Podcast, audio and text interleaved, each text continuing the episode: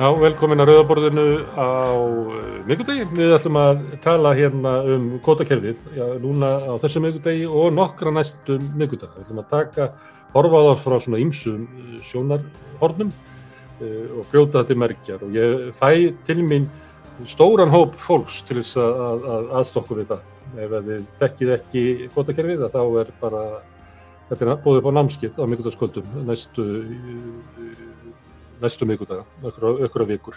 Næstu viku ætlum við að fjalla um áhrif kvotakerfisins á einstakar byggðir og við heyrum sögur frá Þingeyri og Ísafyrði og Suðunesjum, Akranesi og, og víðar og, og fáum að heyra það hvað áhrif kvotakerfið er haft. Eftir tvær vikur ætlum við að fara yfir sögu samherja.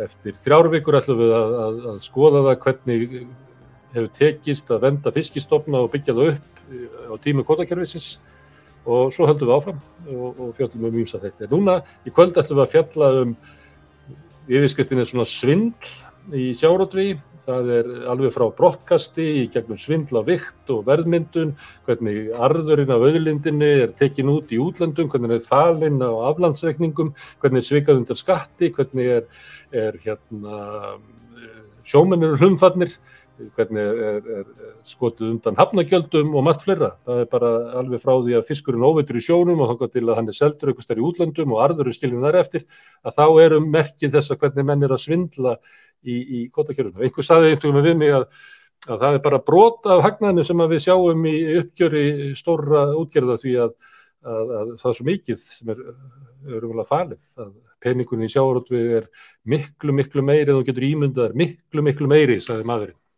til þess að leggja áherslu á þetta, hvað þetta væri mikið.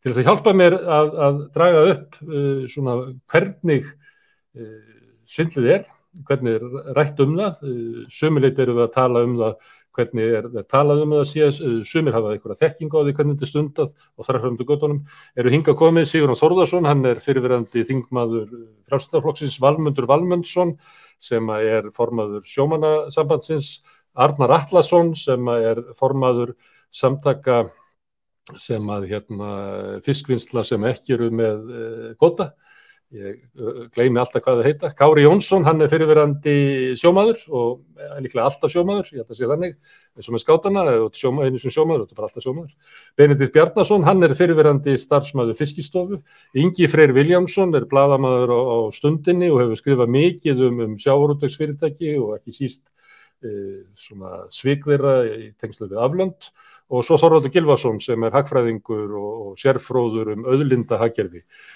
bæði hérna heima og, og, og í Afrikum. Herðu, takk okkur kærlega fyrir að, að koma hingað og við ætlum að byrja á að ræða um það sem að, að gerist fyrst þegar fiskurinn kemur í borð sem er brottkastið.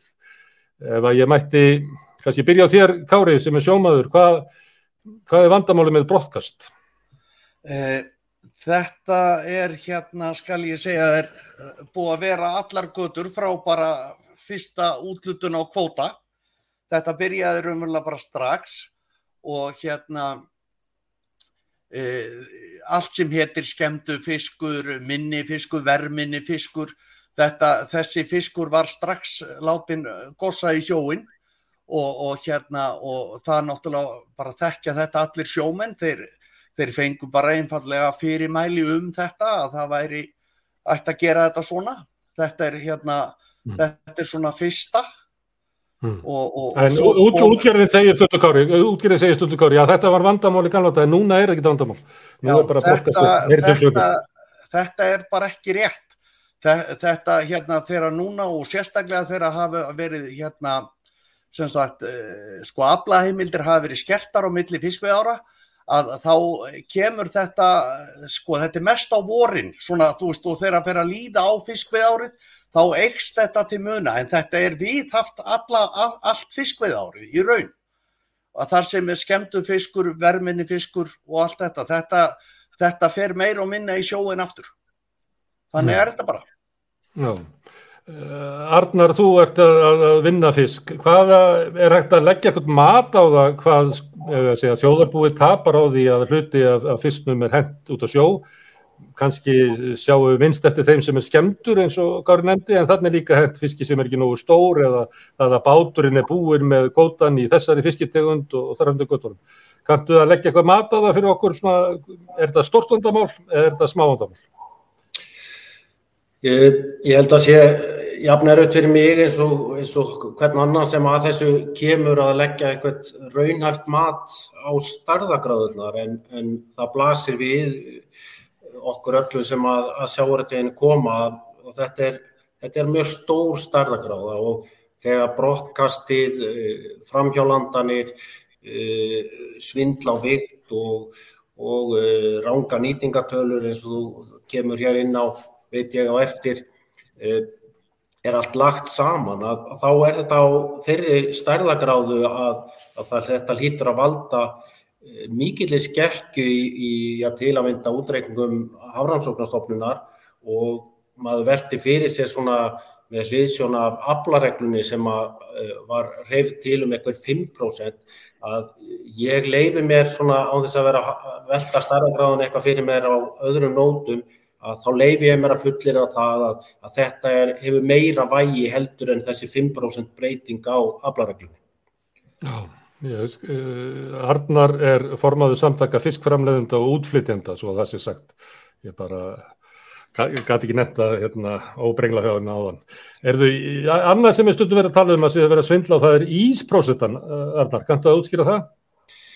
Já, sko það er náttúrulega líkt eins og með alla þessa ágalla eða, eða hvað við viljum kalla svindli eða annars líkt að orsökinn fyrir þessu öllu saman eru gallar á uppsetningu kervisins og, og sjómaðurinn hérna áðan nefndi það hann Kári mjög vel að um leið og kvótakerfi kom til sögunar þá kom líka til sögunar beðni eða sagt krafan um brottkast, krafan um það að einungis uh, sá afli kæmið að landi sem skilaði afkomi.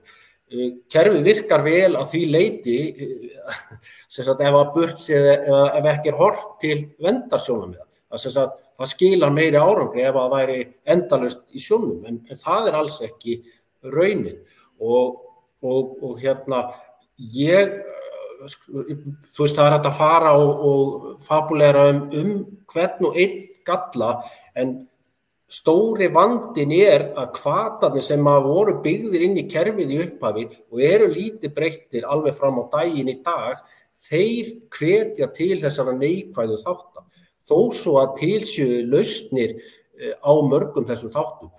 Það er til dæmis eh, margbúið að sína fram á það að það væri hægt að hætta með endurviktun en, en í dag er, er talað um endurviktun með því móti að, að jú, það er búið að sína fram á það að uh, útgjara fyrirtæki sem eru með vinslu eða, eða fyrirtæki sem hafa leifi til endurviktunar þau hafa verið að gera það á rangalmáta en þau eru ekki að gera það jafn illa í dag eins og þau voru að gera. Þau eru sem þetta svindla minna og, mm. og það er talið ásættalegt og sér jafnvel barið á brjóst að þetta hafi lagast en mm. ég lefi mér að fullir að þessi endurviktun er algjör óþarfi, hún er algjörlega ónöðsynleg, vísindin ráða miklu miklu betur við að ná nákvæmari nálgun við vikt uh, veiðskipa heldur en þessi endurviktun sem við erum að notast við í dag.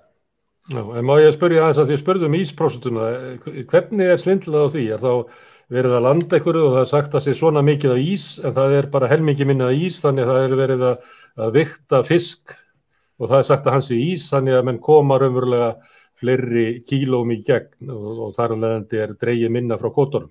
Þú...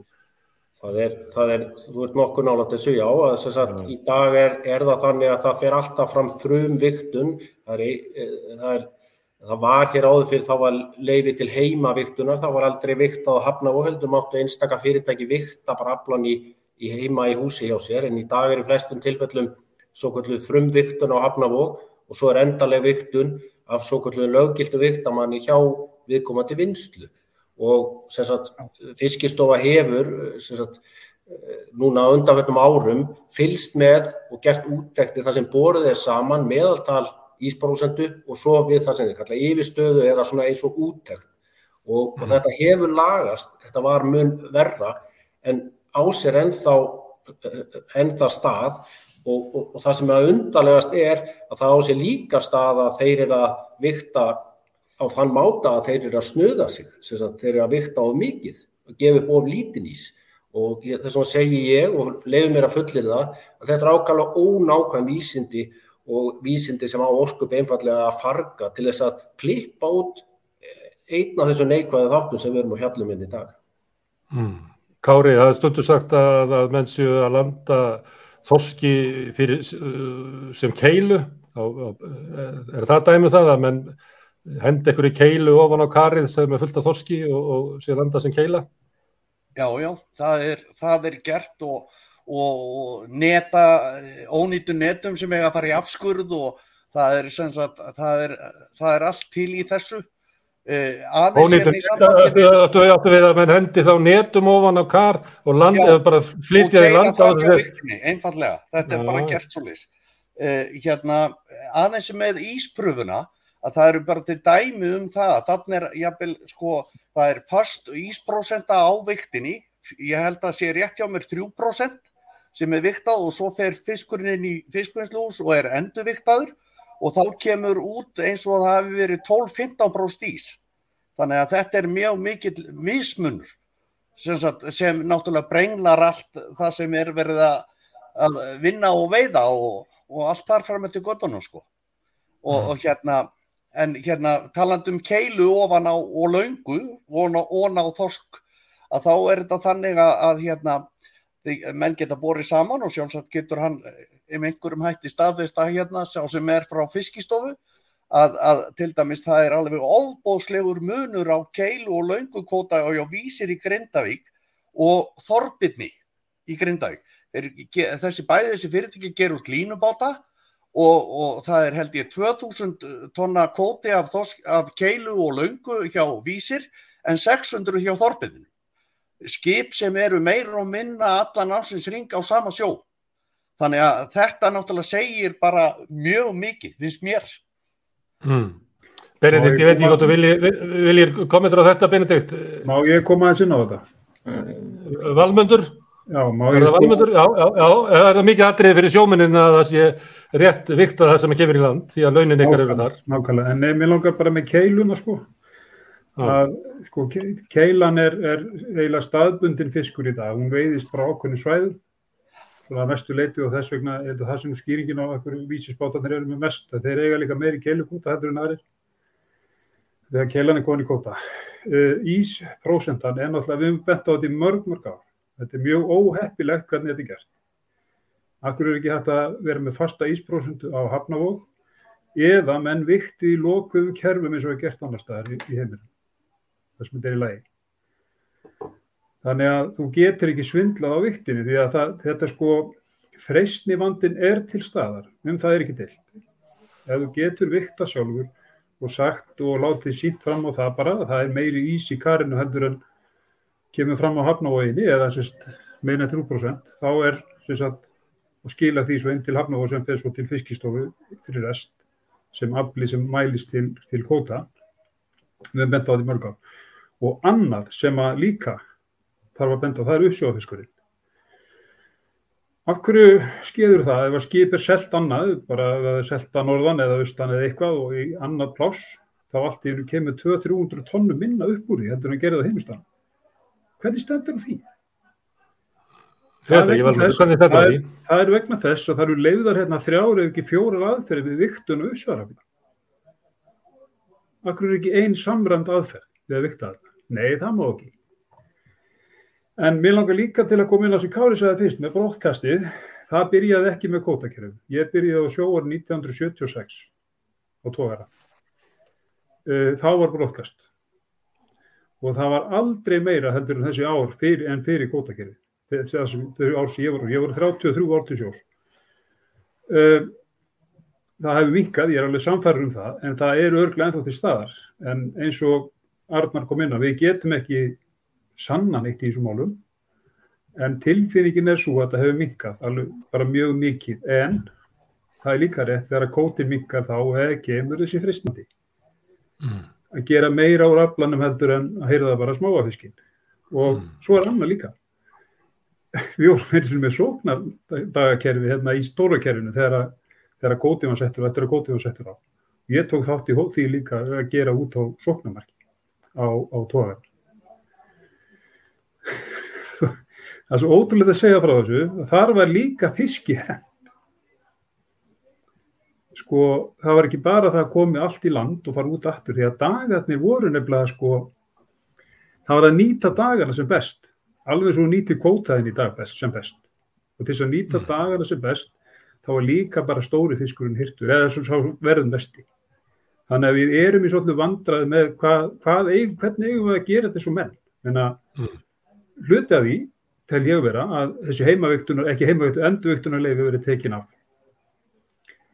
og, og það verður bara viktað á hafnavók eða í lokuðum kerfum inni í fyrirtækjunum sem er ekki hægt að svindla. Mm. Valmæntur, má ég spyrja, maður því að tala um hérna, svona svindla á vikt. Eh, hvað, hvað er við að tala um? Er þetta svona 1% svona til eða frá? Eða er þetta bara kerfisbundi að það er verið að fara fram í á vikt kannski 10, já, meiri, meiri, meiri prósent? Já, það er komið í ljós með yfirstöðuna hjá fiskistofu til dæmis að þetta getur verið hérna, mörg, mörg prósent sem að munar á milli túra. Þú kemur í land og engi stendur yfir hútt að vikta, þá er bara 17% ís í, í, í aflanum, en svo þegar að stendur fiskistofum aður yfir, þá er kannski ekki nema 3-4%. Mm. Eh, og allt þannig sko, þannig að við sko til þess að koma í veg fyrir þetta, þá þurfum að finna eitthvað annað hendur en að þurfa að standa yfir öllum. Mm. Við bara höfum ekki mannskap í það, því meður. Mm. Þorvaldur, einhvern tíman varst þú að skoða brottkast, hagfræðingurinn, hvað var það?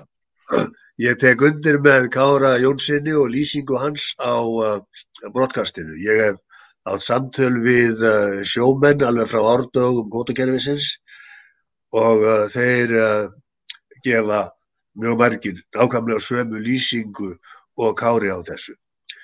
Sko í Európusambandinu þar er haldið utanum brottkast og þar eru byrtar og ofinberar tölur og það er sína, eða síndu síðast þegar ég aðtúaði þetta fyrir okkurum árum að alltaf helmingi fiskjarins var fleikt uh, fyrir borð og við þessum var bara gengist heiðarlega og ástæðan til þess að menn hafa þennan háttin á þar er kannski einhverju leiti svo að, að sjávarútvöður skiptir Európu sambandi svo litlu máli að menn bara horfa í gegnum fingur sér með svona lega.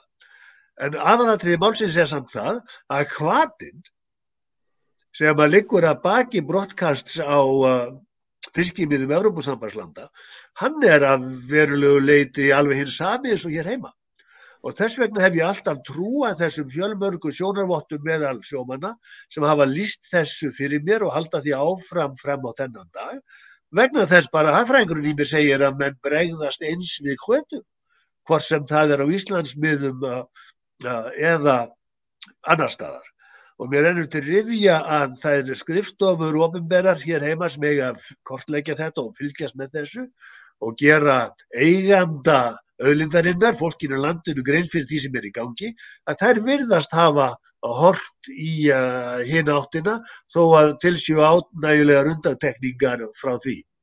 Og það er að þú að senda langum að gera eldskjótt því ég lærði nefnilega nýja sögn uh, af verbúðarþáttunum og það var sögnin að teppalegja. Það er að að leggja aðra tegund fiskjar efst í karrið til þess að leina því sem undir bjóð. Mér er sagt að allir vestfyrðingar hafi kunnað söfnin að teppalegja í þessum skilningi að marga áratíu aftur í tíman. Mm. Herðu, hérna Sigurjón, hérna brottkast er eitt er, hérna, og þá erum við að tala um að það er útlutað hérna 300 stónum að þorski. Eitthvað hérna, verður þannig að það eru kannski veit 330 tonn og 30 tonn verða eftir, ég veit ekki hvað er. Síðan er þetta landað, þannig að það er landað og mertað þessu 300 tonn, en það var um að landa miklu meira. Getur þú hjálpað mér á því, áttam á því, hvað er þetta umfásmikið? Hvað myndur þú telja að, að það væri mikið sem væri skilið eftir í hafinu og hvað væri mikið sem væri landað fram í vekt? Það hafi verið gerða skýslur um þetta, meðal annars eh, hefur Hafró tekið saman skýslum um 2017, ég minnir að hefur verið það 6.000 tonn og ég tel að þoski og það sé mjög varlega áallega það.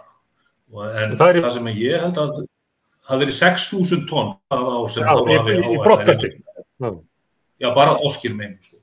En það sem er í auðvitað í þessu, að það þarf að taka kvatana í burtu og það er ímyndið til þess. En það hefur alltaf verið látið þannig SS og þetta sé ekki til og þetta sé bara líi einhverju gaggrínutu kerfisins. Og það er líka annað sem er á, á, svona eins og maður tekur eftir í umræðinu síðust á, að þegar það hefur verið minni aðilar sem hafa verið gripnir fyrir einhver brot á þessu kerfi, þá hefur verið beitt viðlögum, En þegar það hafa verið teknað myndir af stórfældu brottkasti þeirra sem hafa verið innundur í kerfinu eins og uh, það Múlabergi var tekið hérna málið að þá var viðlugunum frestað þangað til að, að það, þau skipti einhver máli. Þannig að þetta er svona, uh, sko, ég held að við höfum að forðast að beina spjótum okkar að þá sjómurunum sem eru settir í þessi liðendaverk heldur að skoða það hvernig við tökum á þessu og tökum hérna hvatan í burtu. Og nú sjáum við hérna gríðarlega kvata til brottkast þegar það er dreigir saman afl í einhverjum fyrstegundum og oft er þetta í ísunni. Hún, það er bara, ef maður les gamla bækur í fiskifræði þá bara ykst aflinn hratt og dregst saman hratt og, og, hérna það er eins og að mælingarna séu alltaf á eftir í hafró, fylgir ekki sveiflunni. Þetta leiður oft til gríðarlega brottkast á ísu og þetta er auðvitað sárgrættilegt hérna, með þetta kerfi að um leið og erum með þessi vandamál og segjum þessi ekki til og þá að vera að þakka nýður þessa umræðu sem er nöðsileg og auðvitað er það þannig að þegar það er sóknar bara að, að þá er það miklu minni kvata til brottkast menn, menn hyrða allt sem kemur og er ykkur verðmætt í nema þá að menn séu þá e, mögulega komir upp að einhverju hámarki eins og á við í, í, í sumum veginn Mm. Þannig að það er bæði sóknamark og, og úti. Mm. Arnar, ég er ennþá reyn átt að með á því. Það er, það er komið hérna hjá Siguróni, gömul skýslað frá Hamró um að sé 6.000 tonna þorski sem verður eftir í hafinu en það vantur ennþá á alltaf. Já, varlega á alltaf, ég heyrði það í tóninum áður.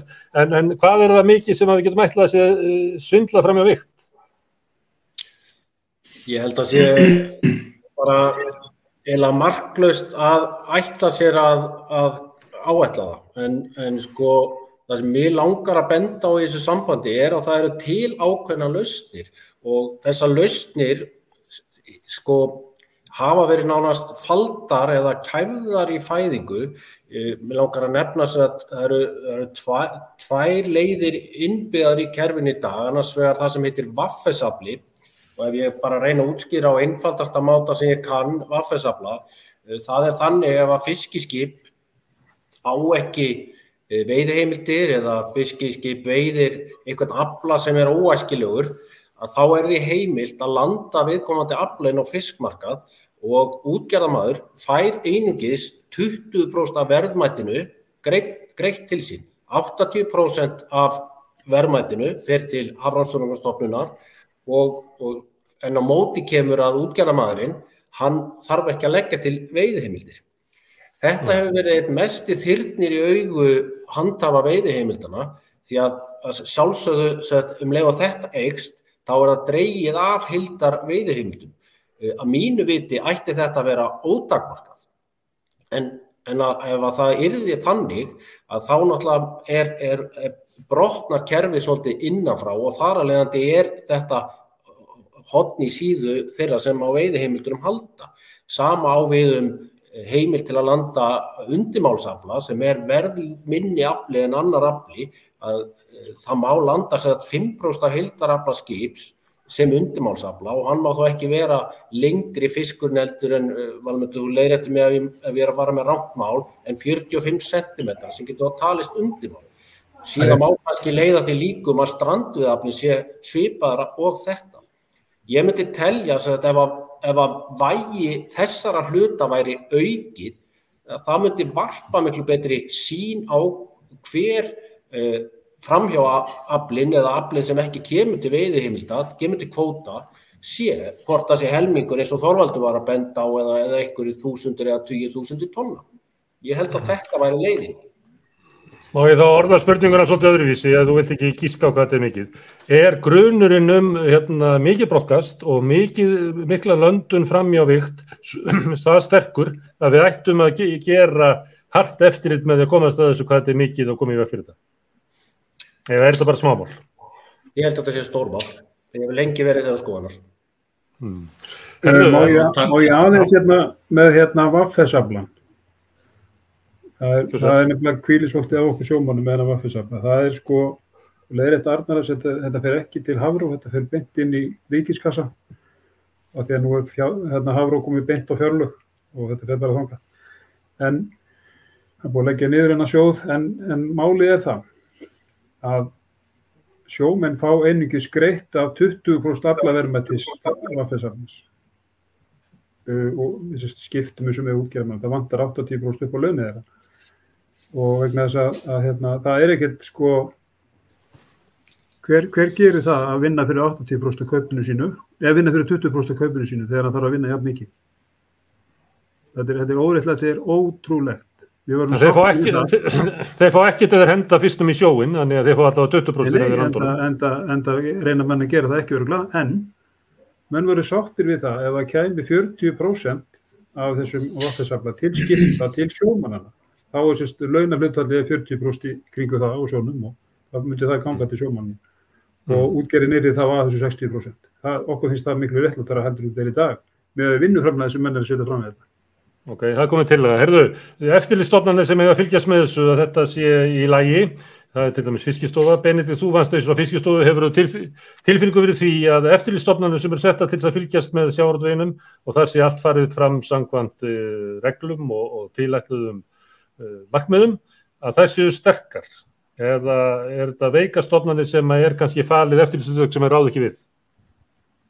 Já, allavega nú þekk ég bara til fiskistofu og þegar ég var frá fiskistofu þá var hún veik og ég hef ekki séð neitt sem bendi til, annars, eh, bendi til þess að hún hafi sótt einhvern styrk til sín sko, ég menna ef að menna renna yfir skýslu ríkisendurskoðunar á stofnunni að bara til dæmis um, um eignarhald á kvóta að, að það er hvað skýslanir gerði 2017-18 og það er fyrst núna sem fiskistofa er að fara að gera eitthvað í þessum málum uh, í skýslunum þá voru var bent á ymsa ágalla og hvað betur mætti fara. Ég, ég hérna, reyndar hafði ekki tíma til að renna yfir fiskistofu vefinn og sjá hvort það hefði verið tekið á sig eitthvað.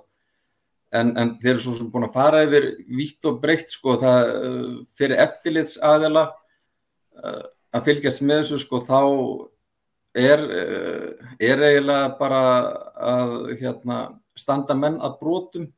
Það er einu, einu, einu hérna, málinn sem eru kláruð og eins og með brottkastið að þú hefur eftirlitsmenn á sjó og þeir eru á dekki og það er verið bara að býða eftir að hérna, vöðvaminnið kikkin að, að því að hérna, þú getur lengt í því að þú sem eftirlitsmaður ert á dekki og hérna, sjómaðurinn hendir bara fiski, það er bara og sjálfur viðbörð hann hendi ónýttu fiski. Hvað er mikið ég hérna sko Havró gerði síðast úttekt það er ég held að það hefur verið miklu lengar en síðan 2017 sem svo úttekt var gerð á hérna brottkasti og, og það, þetta hefur bara verið mantra sem hefur verið tuggið nógu oft að, að brottkast sé ekki til staðar í flótun og hérna ég held að sé löngu komin tími á að reyna að gera einhverja úttekt á því. Og þá eh, til dæmis að bera saman hérna hvað er landað þegar eftirlitsmæður var um borð og þegar hann er ekki borð. En þú, þú, lýsir þessu, þú lýsir þessu þannig að þetta er eiginlega alveg vonlaust að það er, að veit allir að það er mikið að brótkasti eins og má marka þess að því sem ég er. Eh, Fiskistofa eina leiðin til þess að, að, að sektamenn eða, eða gera eitthvað í því er að, að eftirlýsmaður séu um borð og horfi á sjómannin henda þessu. Þannig að þegar er eftirlýs, ekki eftirlýsmaður að horfa á sjómannin að það bara, það er vonlust að, að, að gera eitthvað mál úr því. Það er ekkert að gera það með því mismunna á löndunum eða öðru, öðru slíku. Þannig að Þetta er eins og að stoppa uh, vasa, eða sem sagt, sjófnað í búðum og eina leiðin er að búðafstafsmaður fylgi hérna, sjófnum eftir í vonum að hann steli bara kaffipakkanum af því hann er vanur því. Já, nú er komið dróna eftir litt til dæmis. Jú, jú, en, en sko áður um þú ferði í eftirlitstúrin þá, þá hérna ertu með síðustu veiðiferð og þú ert að fara inn á svipað, svipað veiðislóð og hérna þú hefur þann samanburð, þú hefur samanburð á bátón sem er að veiða hérna í kring og svo reynur að mynda er skoðun út frá sig en það er rétt að, að hérna þetta þarf að nást á mynd eða að þú þarfst að sjá glæpin framinn sko. Og hérna já, þannig er, er bara staðan. Þau mál sem ég hef komið að, sko, öll er, er kölluð á eitthvað annað, þau mál voru bara fælt nýður og, og hérna, en, en já, þannig að þetta mm. er bara svo gott sem, en, en að því við fórum inn á ísprósentuna og svo leiðis, að sko allur afli á alltaf að vera brúttóviktar á hafnavók hvort sem hann er til endurviktunar eða nótun er lokað á 3% og þannig að aflið sem er brúttóviktar á hafnavók hann fer svo til endurviktunar inn í húsinu og þar er svo annarkort er hann heilviktar inn og eða þó að það er tekinn hlutfall þá þarf það að taka ákveðin karafjölda af því sem var landað inn og, og standi yfir því og þá skilur bara fiskin frá ísnum og þá sittur eftir með íspróstuna en stærri vinslur vilja bara heilvikt þetta, það bara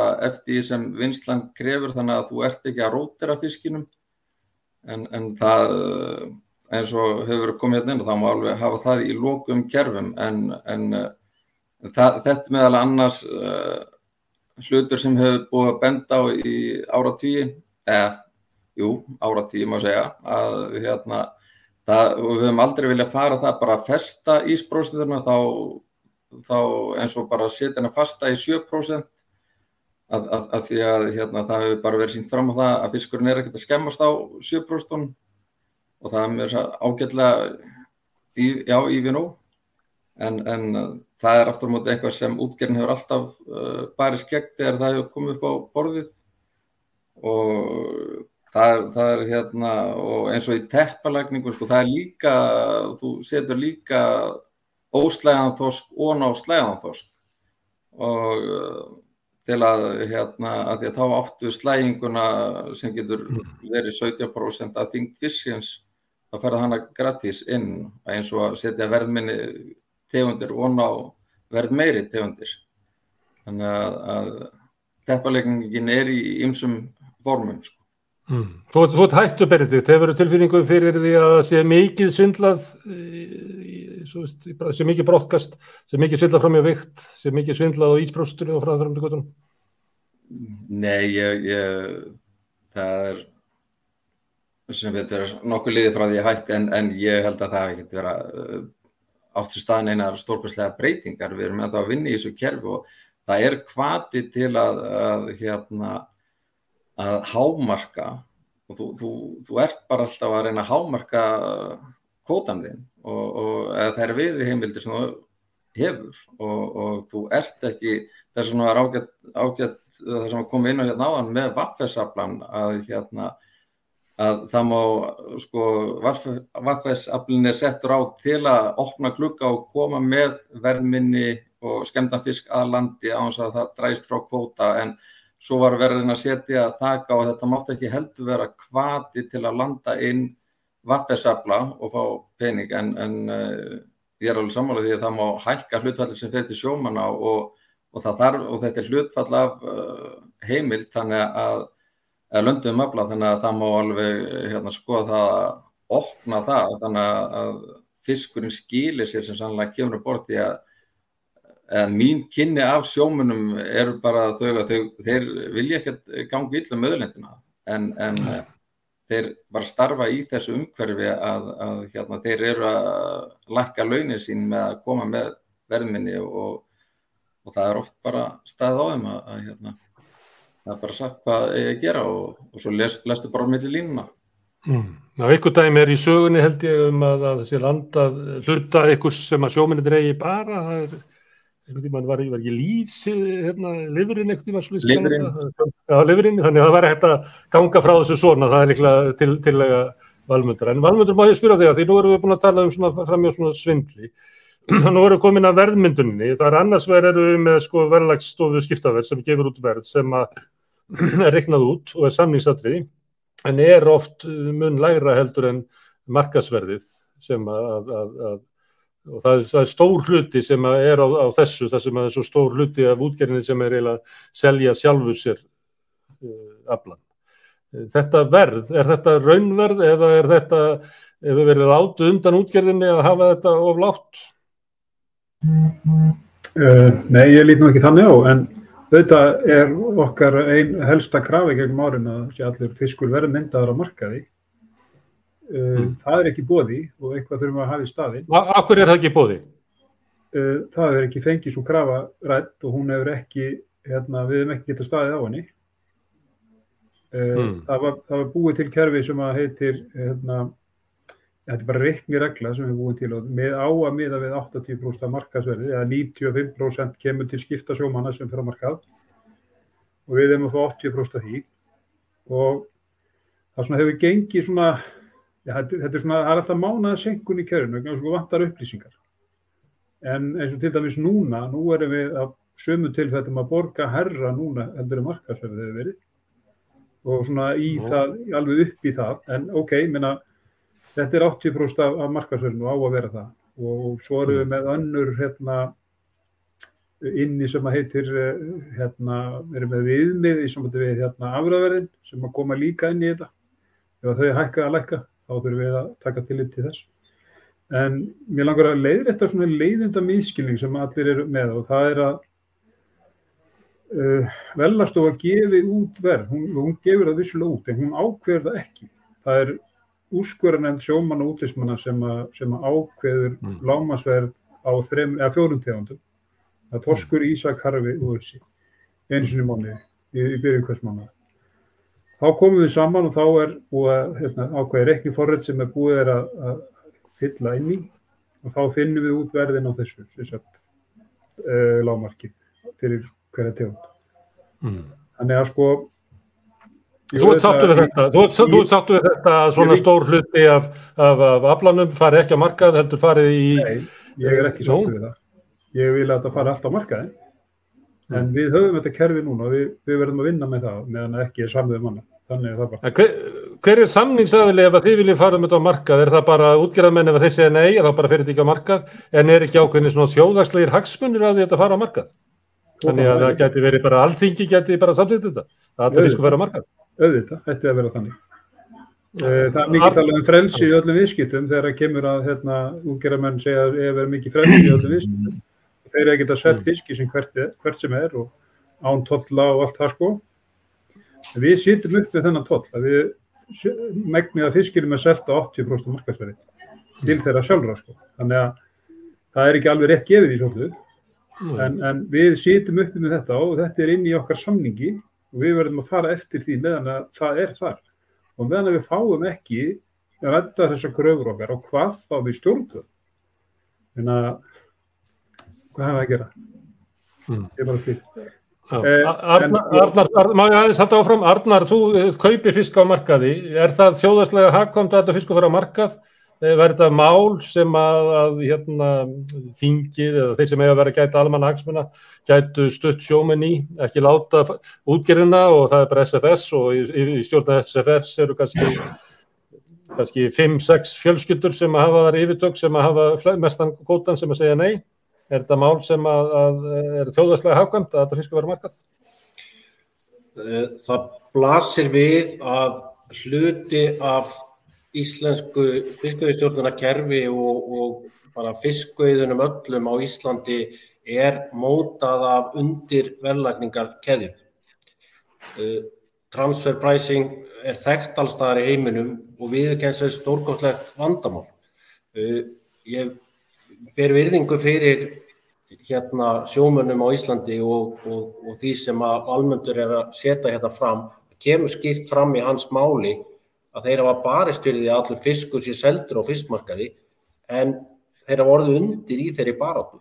Eh, krafturinn og styrkurinn í samlýstöðu mótaðalans er það mikill að þetta verður ekki náðst.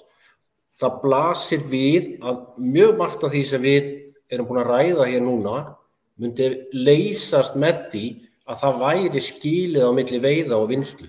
Að verðmæti veiðana, að verðmæti öðlindarinnar kæmi fram á einhverjum punkti og svo væri hægt að halda áfram og sína fram á hversu mikið viðbótar virðisauki yrði af vinslunni.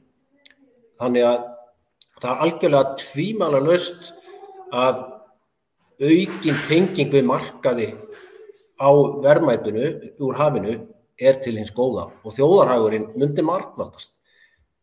Þetta er eitt af kjarnanum í okkar málflutningi og við höfum ídrega bent á þetta en því miður er að því okkur er tíðrætt um kvata hérna þá er bara einn allsterkasti kvatin í kerfin í dag er kvatin fyrir handafa veiðihimöldana til að lækka kostnað og því miður þá er gallin á kerfin okkar sá að það er svo stór hluti af kostnaði útgerðana beintengtur við afurðaverð.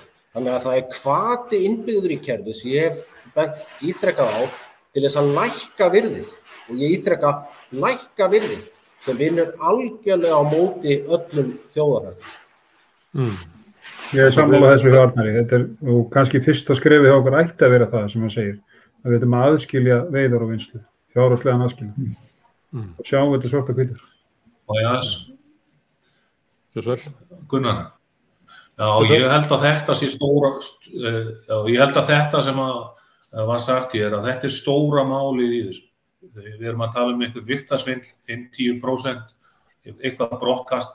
Þarna er krabbameinið í kerfinu. Það er verðmyndunin sem býr til svo óeðlega kvata að það er ekki þeir sem er að gera hvað best úr fiskiru sem fána til vinslu. Og ég vil segja það bara núna að ég held að þjóðin sé verri spóru núna heldur en ef við hefðum tapað þorskastriðinu og breytar hefðu þurft að landa hér aflanum inn á fiskmarka. Það er bara staðan er núna svo að fisk hann er seldur langt undir raunverði, hann er kannski svona 30-40% af raunverði, það er 30-40% sem munar og þetta er meir og minna alltaf seitla í skattaskjöld og þetta er verður til þess að það myndast þarna óeðlegt fjármagn sem er farið að, að hérna, grafa um sig í öðrum atvinnugreinum. Þannig að við erum hérna komin í gríðalega vanda sem þjóð. Og hvers vegna er þetta svona? Jú, það er vegna þess að þeir sem eru með stór, stór fyrirtækin, þeir hafa bara tök á stjórnmólum og það sjáum við bara núna þessa dagana að, að, að meiri sig að ný ráð þeirra, hún verist ekki þóra við að standa við stefnu, bóða stefnu flóksins í sjáurútsmálum heldur fer allt í hennu bara inn á einhverja alltafra línu sem verist bara koma beint frá SFS og Samerja og Brimi. Þetta er alveg ótrúlega að horfa á þetta. Hvað er þessi, þessi þessi minnsem, þessi tvöfaldaverðlæning er að valda miklu skemmtum á íslensku samfélagi. Það held ég að sé þó að við þessi vissilega þurfum að taka á þessu uh, hérna, uh, viktarsvindli og þullu. Það myndi allt lagast ef þetta fær inn á marka. Það er alveg, og, og menn þurfum ekki að fara langt til að finna leiði til að laga þetta. Það eru bara reglur í færum um það að þriðjungi aflans, bólfiskafla er, er hérna landað inn á fiskmarka og svo eh, myndast verðið í uppgjör við sjómennuna að öðrum þræði af því sem kemur á markaði. Og, og horfum núna á, á loðnuna að verðið á henni valmöndu leðrættur með ef ég er að fara með einhverja ígjur að munar hátt í helmingi einhverju frett sem ég sá. Makrilinu jáfnvel meira þannig að þetta er stóra máli sem að ég, ég vil segja þarf þurfa að taka á og að vera að tala um það að leggja eitthvað auðlindagjald á í öllu þessu málamyndaverðlagningu og það sem að menn er að flytja fiskin óunnin úr land, eða flytja fiskin í gegnum einhverjar svo kallar söluskrifstofur sem eru startar í skattaskjólum, það er bara leikarskapur, maður geta alveg sleft í og ef það verður kannski nýðustafan af því sem að Svandís allar að tilkynna hér núna í lókvikunar að leggja á eitthvað herra auðlindagjald eða eitthvað svo leiðs það verður aldrei neitt viti þeirri verðlagningu af því þetta er allt málamynda málamynda verð sem er í gangi og, og, og, og maður segja þetta bara út í lóð heldur, er það bara þannig að það er ekki tilnætt Íslands sölufyrirtæki nánast á fiski. Þetta eru allt fyrirtæki sem eru skráð einhvers staðar út í heimi og arðurinn af þjóðar auðlendinni er meira að minna komin í hendurnar og örfa á maður. Það er svona namipjú ástand á Íslandi og það er alveg ljóst að þeir voru ekki að finna uh, þessar leiðir upp í namipjú. Þeir voru búin að reyna þær hér heima með ákættis árangar. Þess vegna setjum við kannski uppi með þetta ástand eins og það er hér. Að það er ekki nefn að það 50 hver fórskuð er á marka. Þannig að þú lýsir því þannig, Sigurjón, að, að menn er að selja sjálfum sér með 30% undirverði og, og hlunfara þarfandi sjóminn og borgarlæri hafnagjötu og eitthvað fleira. Svo taka menn peningin út eitthvað starf í útlöndum og, og, og mm. þarfandi fyrir þetta ekki til skattgreðsna hér, þetta er ekki e, til þess að, að til útreikninga og veiðigjaldi, að, að það er bara innbyggt inn í kerfið með það að menn megi selja sjálfum sér á undirverði, að hagnaður þessi tekin út eitthvað starf langt, langt í burt og farin.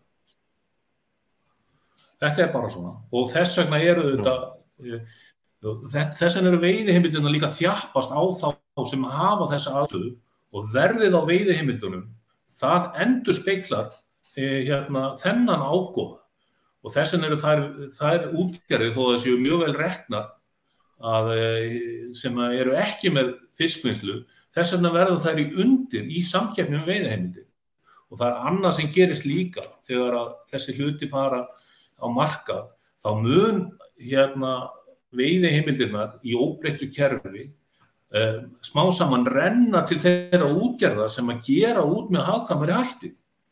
Það er ekki núna. Nú er í rauninni hérna, að þeir sem er að stækka og fá til sín hérna, veiði heimildirnar í auknum mæli og eru kominir upp fyrir lögbundi þak og, og það sýnir líka þjóngur stjórnvalda. Við erum með hérna, þak á veiði heimildur samkvæmlögunum og menn er ekkit að fylgja því eftir og það er líka þann, sá þáttu sem er svona rétt að taka fram að því að nú að vinna í ofinbúru eftirliti. Það skiptir rosalega miklu máli hvernig umræðan er. Ef að stjórnmálamenn er að segja að, að eftirlitið sé alltaf íþingjandi að, og, og fara að hérna, draga úr því úr ofinbúru vettvangi þá slæfir það þá sem er að standi í þessum verkum og, og það er líka svolítið svona undarlegt að þeir sem setja reglunar og maður sér það að sumi stjórnmálamenn vilja halda að þeir fá einhverjum vinsældir út á þetta setja reglur svo á framfylgjaðin að þá er hérna í rauninni e, ja, dregin allur máttur með því að, að, að sverta þá sem er að fylgja hérna reglunum eftir eða láta það vera fjárvana og allt það. Þannig að ég sjálfur ekki fylgjandi hörðum refsingum eða miklu eftirliti heldur að búa til kvata sem að vinna með atvinnuveginn. En svo þetta er núna, mm. þá erum við að fara í mjög öfuga átt í þessu. Þannig að það er mjög auðvist að breyta þessu. Já, hérna Ingi, nú erum við komin á svæði, svæði sem að þú þekkir, það sem við verðum að tala um að, að stórútgerðin taki út arðin af auðlendinni í útlandum, um, það sé falið inn í skattaskjólum, að það sé uh, notað uh, til uh, skattsvika og svo erum við náttúrulega þekkjum við frásögnu af Samerja í, í uh, Namibíu þar sem þetta fyrir notað til mútugreðslu og öðru slíku. Hvað, þú fjallar svolítið mikið um þetta, er þetta umtalsvert, er þetta inngróið inn í atvinnugreinina eða er þetta hérna, glæpir einstakra óprúttina manna? Við fengið svona aðeins mat á því hvað þetta er, er umfámsmikið Já, ég, ég áttar mikið alveg á því hversu umfámsmikið þetta er en, en það eru sértækt dæmi uh, eins og til dæmis varandi Samherja og, og Kýpur. Árið 2019 þá sögðu við á stundinni til dæmis frá því að frá tölvupósti sem að Baldvin Þorstinsson, sonur Þorstinsmár Baldursson skrifaði árið 2009 það sem hann var að segja við sko samstagsmenn sinni á Samherja af hverju Samherja ætti að stopna sölufyrirtæki á kýpur og það sem hann sagði þar var eftirfarandi með því að búa til hagnað innan sölufyrirtæki sem skölli sífún getum við lækkað skiptalið tjómana og stjórna betur á hvaða verðum við gerum upp. Þannig er hann sagðist að leggja upp þessa hugmynd, okkur er það gott að vera með sölufyrirtæki á, á kýpur og hann í februar 2019 þegar ég spurði Þorstin Má út í þetta þá sagði hann við mig að Samherji hefði aldrei stopnað sölu fyrirtæki á Kýpur svo bara sko tveimum mánuðum setna þá vorum við komin með ársreikninga fyrirtækjan á Kýpur og þá kom í ljós að félög Samherji á Íslandi voru meðal annars að selja fisk til þessara fyrirtækja á Kýpur sem svo seldu, seldu fiskin sko áfram til Afríku. Og þetta voru alveg sko umtalsverðar, umtalsverðar fjárhæðir sem að hérna, uh, þeir voru að selja sagt, fisk frá Íslandi til Kýpur fyrir. Þetta árið 2013 þá voru þetta, þá voru þetta hérna, sé þetta voru 2 miljardar og svo 1,5 miljardur hérna 2014. Þannig að þú veist, þarna höfðum við ekki gögnin uppalega til að í raun og veru leggja mat á það hvort að það væri að fara einhver fiskur frá Íslandi inn í þetta fyrirtæki á Kýpur sem var svo áframhaldi fiskin áfram. En svo þegar við komum yfir ásreikningana þá kom það í ljós. Að þarna var samherji að selja veist, hertan fisk í, í gegnum uh, þetta Kýpufélag. Þannig að sko, veist, þetta er eitt konkrétt dæmi sem ég man eftir það sem að sko við bara í raun og veru vorum með gögn sem að síndu fram á það að, að veist, þeir voru að, að, að nota til dæmis félag og kýpur til að til að, til, að, til að selja fisk frá Ísland og svona notuðu þetta kýpufélag líka til að selja fiskin sem þeir, veit í Afríku. Þetta er svona eitt dæmi uh, sem ég man eftir að hafa fjallað um sko. En Þorstein Már, hann reyndi þarna uppalega að, að, að þú veist neyta fyrir það að, að þeir hefðu verið með fisksölu fyrir kýpur en svo síndu gögnin fram á hann. Mm. En síðan eru önnur dæmi um að sjómunum er borgað inn í skattaskjólsfélög og, og þegar að, að, að, fyrirtæki eru selda þá eru skattaskjól nótus. Það er nokkuð dæmi um það? Já, já, það er kannski sko, þessi skattaskjólin eru eitthvað helst nótuð náttúrulega hjá íslenskum útgerðum sem eru með rekstur uh, hérna og eru að reka útgerðir af, í, af, í Afríku. Uh, svona þrjú dæmi um það eru sko uh, sjólaskip sem áttu útgerðina sem að Samri kefti í Afríku af þeim sko árið 2007 þau voru með félög á Tortólu og Belís uh, og notuðu líka félög á Kýpur og, og svo gerir Samherji slíkt því sama eftir að þeir kaupa Afríkútgerðina af sjólaskipum 2007 þá eru þeir með félög sko á, á Kýpur og Belís og svo fara þeir að nota skattaskjólið Mauritius í um, Austur-Afríku, eiga í Austur-Afríku eða fyrir utanströndu Austur-Afríku um, nokkur márun setna. Það er, verið, það er þetta skattaskjóli, það er félag sem þeir eiga í þessu skattaskjóli Márísju sem á endanum heldur utanum starfseminna í Namibíu til dæmis. Uh, og svo er annað félag sem íslenski lífeyrisöður áttu uh, sem að rakk tógara í Afríku sem að hétt Blue Wave og eignarhaldi á, á, á þeim tógara var í gegnum Tortólu og, og, og, og hérna Jersey á, á Ermasundi. Þannig að þú veist, dæminn sem við höfum um, um, um þessi skattaskjöl og nótkunni íslenskar útgerða á skattaskjölum eru fyrst og fremst í þeim tilfellum þar sem að íslenskar útgerðir eða íslenskir aðilar eru að veiða uh, hérna, eða, veist, hérna, eiga erlendar útgerðir, sérstaklega í Afríku. Hmm. Valmöndur, það að uh, sko sölu eða raunverulegt sölu verð kom ekki fram fyrir enn í útlöndum að það lekkar laun sjómana. Já, það getur ætla það, jú. Uh, sko, það skiptir kannski máli, kannski yngi kannski veita betur en hvað var það eftir í þessu fyrirtækjum eða á hvað keftuðu fiski frá Íslandi, það er kannski spurningin og hvað var það eftir hjá þeim, uh, hverju skiluðu við heim. Uh, það er það spurningi sem við þurfum að finna út úr. Við vitum það, það er bara útgefið af fyrirtækjum hérna stóru á Íslandi, þau eiga sölu fyrirtæki ellendis ásamt því að eiga sölu fyrirtæki hér sem þau selja til þessari fyrirtæki sem við ellendis. Hvað skila sér heim? Hvað er loka? Hvena fyrir loka salan fram? Er, hún, er, hún, er það salan sem að fyrirtæki sem þeir eiga sjálfur kaupir af þeim sjálfur? Eða er það að selja áfram og hvaða komissjón fær það fyrir það? Þetta eru upplýsingar sem er líka ekki á lausu og við hefum verið að kalla eftir en við hefum ekki fengið þær. Eins og ég sagði hérna í upphafi að það er freystni vandi netti staðar og hann alveg verið þarna líka. Mm. Við höfum ekki tölur um þetta. Við höfum ekki eins og yngi að geta grafið þetta upp sjálfur en, mm. en við erum þó að reyna og, og kannski má benda á skýsluna sem að velast og skiptaverð skaf út hérna um árið um makrilverði það er mjög óverulegt að nájæring geti borgað 120-30 og jafnvel herra þegar við erum að borga 50 kall fyrir ráð mm. Uh, Þú, þetta gæti verið vísbending um það hversu mikið af arðinum er umverulega falið inn í sko, erlenda sölufélaginu í staðin fyrir að það komi fram strax við bryggju. Já, við vitum það ekki. En þetta er, þetta er það sem þarf að skoða. Við erum að hvetja til þess að stjórnvöld gera það. Hver ætti að skoða þetta? Hver, ætti að skoða þetta? skatturinn á fyrst að þetta skoða því það eru, það eru skila hérna, ef, þú, þú selur fyrirtæki ellendis uh, fiskiðinn eða bara aðurinnar og ef að það er ekki loka eða ef að það er ekki loka sala þá áttu að skila heim hvað er loka sala það, Mm. það, ég held að það sé bundið í lög og, og hvort að það er virtið ekki, ég veit það ekki en ég veit líka að það eru mjög þung viðurlög við því ef þú, ef þú stundar milliverlagningu sem er ekki útskipt Mm. Þannig að Já. skatturinn hefur tól og tæki til þess að skoða þetta og ánáttúrulega að gera það. Mm. Hefur það gert það? Því að þetta er nú búið að þetta var nú skrifað um þetta bara í, í atomstöðin ef ég maður rétt. Svona, þetta er svona faktúrufalls þannig að þetta verið þekkt á Íslandi ára dögum næstu í öll líklega. Ég held að við erum ekkert alveg til hérna kveldúls og fleira. Kannastu við það að skatturinn sé með stórum feldar aðtúana til þess að kanna þetta? Nei, en það myndum við ekkert fá að vita það, þannig að eh, það okkur bara vinnu þannig, við fáum ekki að vita neitt fyrir að er að, að, að skoða það, en er. En, en kannastu við það að málum hafi verið lokið svona rannsónum? Nei, ekki heldur.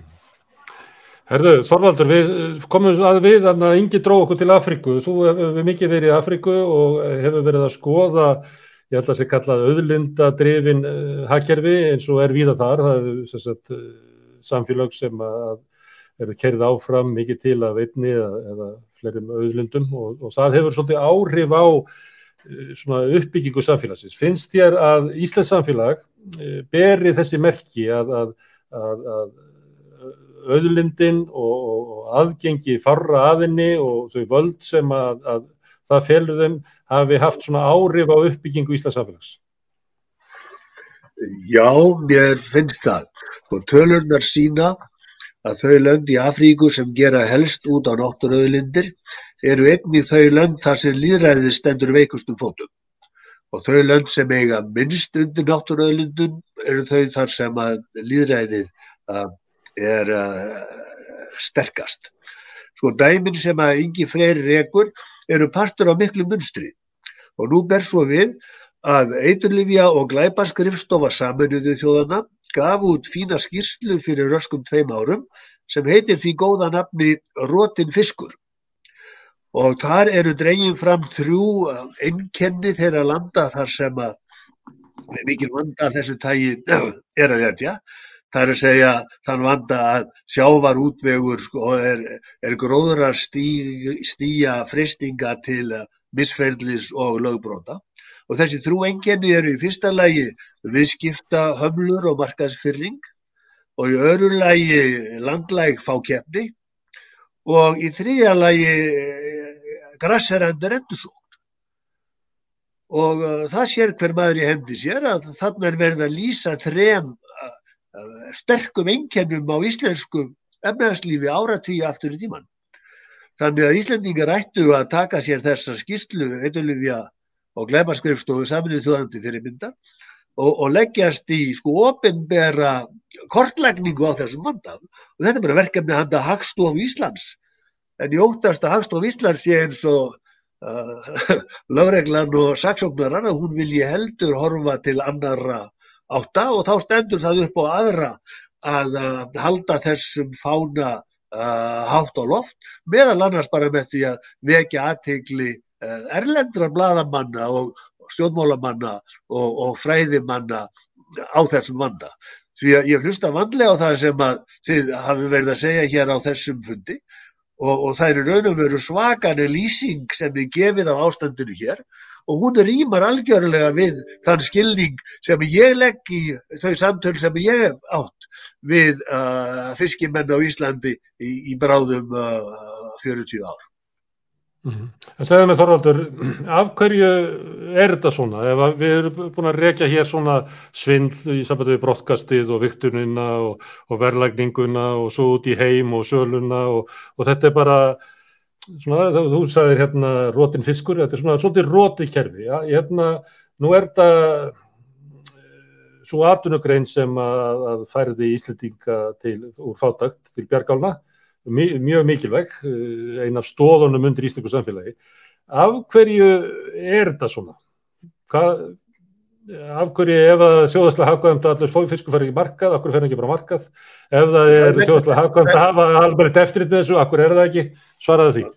Það er bara vegna þess að ríkir hagsmunir eru við það mundir að hafa ástandið eins og það er og það var stort ógæfu spór sem stíði var. Þegar uh, grundvöldur var lagður undir uh, þá auðsefnum farra manna í útvegi sem hefur gert þeim kleft að gína yfir íslensku samfélagi og, og skipta sér af mannaranningum í háskólum og svo framvegis og leggja undir sig óskilda atvinnustarfsem og svo framvegis. Þetta var auðvitað aldrei tilgangurinn, en þetta var niðurstaðan, þannig að bara myndaðist óheilagt bandalag milli stjórnmálamanna og uh, auðmanna á Íslandi sem eiginlega er ekki að líka við neitt annað en bara rúsneska ólíkarka þó að stærðagráðan sé aðeins uh, uh, svakalegri í Rúslandi heldur en hér og, og þessu bara þurfum við að skera upp heröður gegn og hrunið virðist ekki hafa duga til þess og ég vona að þurfi ekki annað hrun til þess að opna augu almennings fyrir því sem hér er á ferðinni. Verbúðin hjálpar þykist ég vita. Oh. En maður gæti svona séð fyrir sér fyrir einhverjum áratugum þar sem að voru útgerðir í öllum sjáarbyggðum, uh, margar útgerðir oft, að það væri svona hagsmunir útgerðamanna væru svona ríkir í samfélaginu og involveraður inn í alla stjórnmálaflokka og ákveðin svona fyrirstaða eða, eða, eða hagsmunagessla fyrir þá. En nú er megnið að auðlindinni bara í höndunum á 5, 6, 7 fjölskyldum. Er, hvernig, hvernig geta svona fáir einstaklingar raunverulega stjórnað hérna, þessari mikilvæga atvinnugrein og þessu samfélagi. Þú ert að lýsa Rúslandi, þar eru það til dærulega fáir menn sem að hafa öll að ráði í hendi sér. Og Íslandi svipar því miður meira og meira til, til Rúslands og það er að vísu gömul saga og, og, og ný. Og menn sjá þessa stað í tölum ég veit ekki hvort mann átt að segja á því að, að kaupmáttur landsframleiðslunum 2020 sem er nýjasta talan sem er til að hafa minni heldur en hann var 2007 hmm. þetta næri engri átt og ekki bara það heldur hrinja vittinsburður um líðræð á Íslandi í, í, í mælingum erlendra fræðimanna vittinsburður um tröst að hrinja líka og vittinsburður um um spillingu eru líka á niðurleik og, og þessi vandi bara heldur áfram að ágerast að þanga til við segjum að hingað og ekki lengra. Og við ættum að vera löngum búin að því nýja stjórnarskráin er einmitt sniðin til þess að reyna að hjálpa til við þetta. En þá er það auðvitað að stjórnmálamennir komið vekk fyrir að viljið þjóðarinnar því efni sé uh, virtur. Og það er vegna þess að þeir hegða sér eins og strengja brúður í höndum uh, öllmannanna í útvegi mm. eins og þeir voru eins og strengja brúður í höndum bankamanna þá getur bankakerfið hundi mm. Sigurjón, er hérna lýsingin hans uh, Þorvaldar á Íslandsku samfélagi og hvernig er haldið þetta um sjávarduðin, er þetta svona rétt, er við svona eins og svona rústnest? Já, á þess að ég þekki mjög vel til Rústlands, þá er þetta alveg svakalett ástandið hérna. og menn voru hérna eitthvað að velta fyrir sér hvað þetta væri að háa að þess að væri að renna fram hjá íslensku kerfi og þess sem að það er til skipta í samfélaginu og ég held að þurfi ekkit að vera með mikla svona vanga veltur á það. Ég held að sé svona mismunurinn á því sem e, markasverðinu og þessu verði og, og öllum meðgjöfinni sem að þeir sem fara hínalegina með þetta e, undir markasverði inn í sína vinslu. Þetta er það sem er að renna fram hjá samfélaginu til skipta og það þarf í rauninni ekkit að rannsaka þetta, það þarf bara að fara þá leið að, að fiskurinn fari á marka, það er því þá miklu meiri sátt mm. í samfélaginu. En þetta er auðvitað orðið eitt brandari, sko, að það, að, hérna, og hvernig stjórnmálinn og flokka sem kalla sig jáfnvel rótæka hérna, vinstri flokka eins og vinstri grænir er að nutta sig upp við menn sem að hafa staðið í, í mísjöfnum verkum og hafa jáfnvel komið óorði á samfélagi, það voru hér frett og viðtal við besta blagamann landsins, Helga Seljan, þar sem hann greindi frá því að Katrin Jakobsdóttir hefði drukkið nýlega kaffi með samherjamönnum. Og svo var sjárótursáran að á fundi, einhverjum áráðusfundi með SFS sem fekk nafnið uh, fundur Kvenna í Íslandsku sjárótvi að tala um það, hróðu að hún hefði sett uh, sandkólan og sæbjú inn í gjafakótakerfið og hefði notað þá til þess feminisk gleruðu, kynjagleruðu og þetta frumar þar sem hún var í rauninni að hvetja til brottkast á engu lífræðilegum grunni heldur sem þetta frumar byggir á. Að, að þá segist hún hafa notað hér feminisk e, kynjagleru og komist að því að, að þeir þurftu að fá meira. Jafnvel er það verið að, er þetta að fá hluta þessum e, hérna, gjöfum e, vinstri, frá vinstri grænum þeir sem eru komnir upp úr kvótaþekkin. Þetta er svo ósvífið að, að hérna, mann er bara fallast hendur. En þetta er orðið þetta svona líka, þetta er orðið erfið staða, þjóðin var vel upplýst í hérna, verbúðaþáttunum og þó umræðan það er kannski ekki fram í stæðstu fjölmilunum og hún aðeins farin að gæjast þarna upp úr silfrinu svona varfarnislega og þá segir það svona ákvæmna sögu að, að þeir sem að tala fyrir markaðslutnum og samkynni í íslensku samfélagi þá er að finna á rauðaborðinu. Mm. Þetta er svolítið svona, það er ekki í þá sem kenna sig við frelsisflokka eða, eða flokka aðgjörlýsins. Þú ert ekki, ekki að hlusta á hvað fólk gerir, hérna ekki hvað fólk segir, hérna hvað fólk gerir. Herðu, mér lókar að hérna, spyrja Arnar Allarsson að hérna, lýsikið sem að Þorvaldur gaf um svona ólíkarkisma inn í sjárundvi, þetta eru menn sem að þú ert í samkemmi við. Finnst þetta að passa að hérna, þetta lýsik passa, er, er, er við svona slæmri stöðu? Ég held að því miður þá, þá hittið Þorvaldur naglana sér hessilega á höfuðu og, og að sama skapi þá er það skemmtilegt að spéspeil sem verbúðin að vissuleiti er, gerir það líka og, og það er nú þannig með húmor og gamansemi að hún er alltaf best þegar er eitthvað súrt að baki. Og ef við, ef við leikum okkur aðeins með verbúðina að þá er það ekki endilega teppalagningin eða aðbúnaður fiskvinnslu fólksins eða, eða siglingin til hull eða það sem að situr eftir. Heldur það og svo staðreind að, að Jón Hjaltalín byggir á, á ákveðinu dæmi, hann byggir á ákveðinu fórsög og það er það sem situr eftir. Við munum ekki endilega muna uh, sögu verbúðarinn þegar frá líður heldur afskipti stjórnmálamannars og, og sagan byggir á ákveðinni sannsögli, byggir á ákveðinum þáttum sem þekkt er. Þannig að ég, ég hef lengi notað orðið bananalíðveldi og, og mér finnst og í mínu daglega starfi þá, þá sé ég svo mörg merki þess, þannig ég tek fyllilega undir orð Þorvaldar. Mm. Ingi, ég veit að blaðamenn vil ekki vera með pólitíska eða gildistóma. Hérna sjáarútúrin og svona, svona ef maður verður að pæla í svona spillingu í samfélaginu er þetta ástand í, sjáuröldvinum er það merki um Íslands er spilt samfélagi eða er þetta kannski svona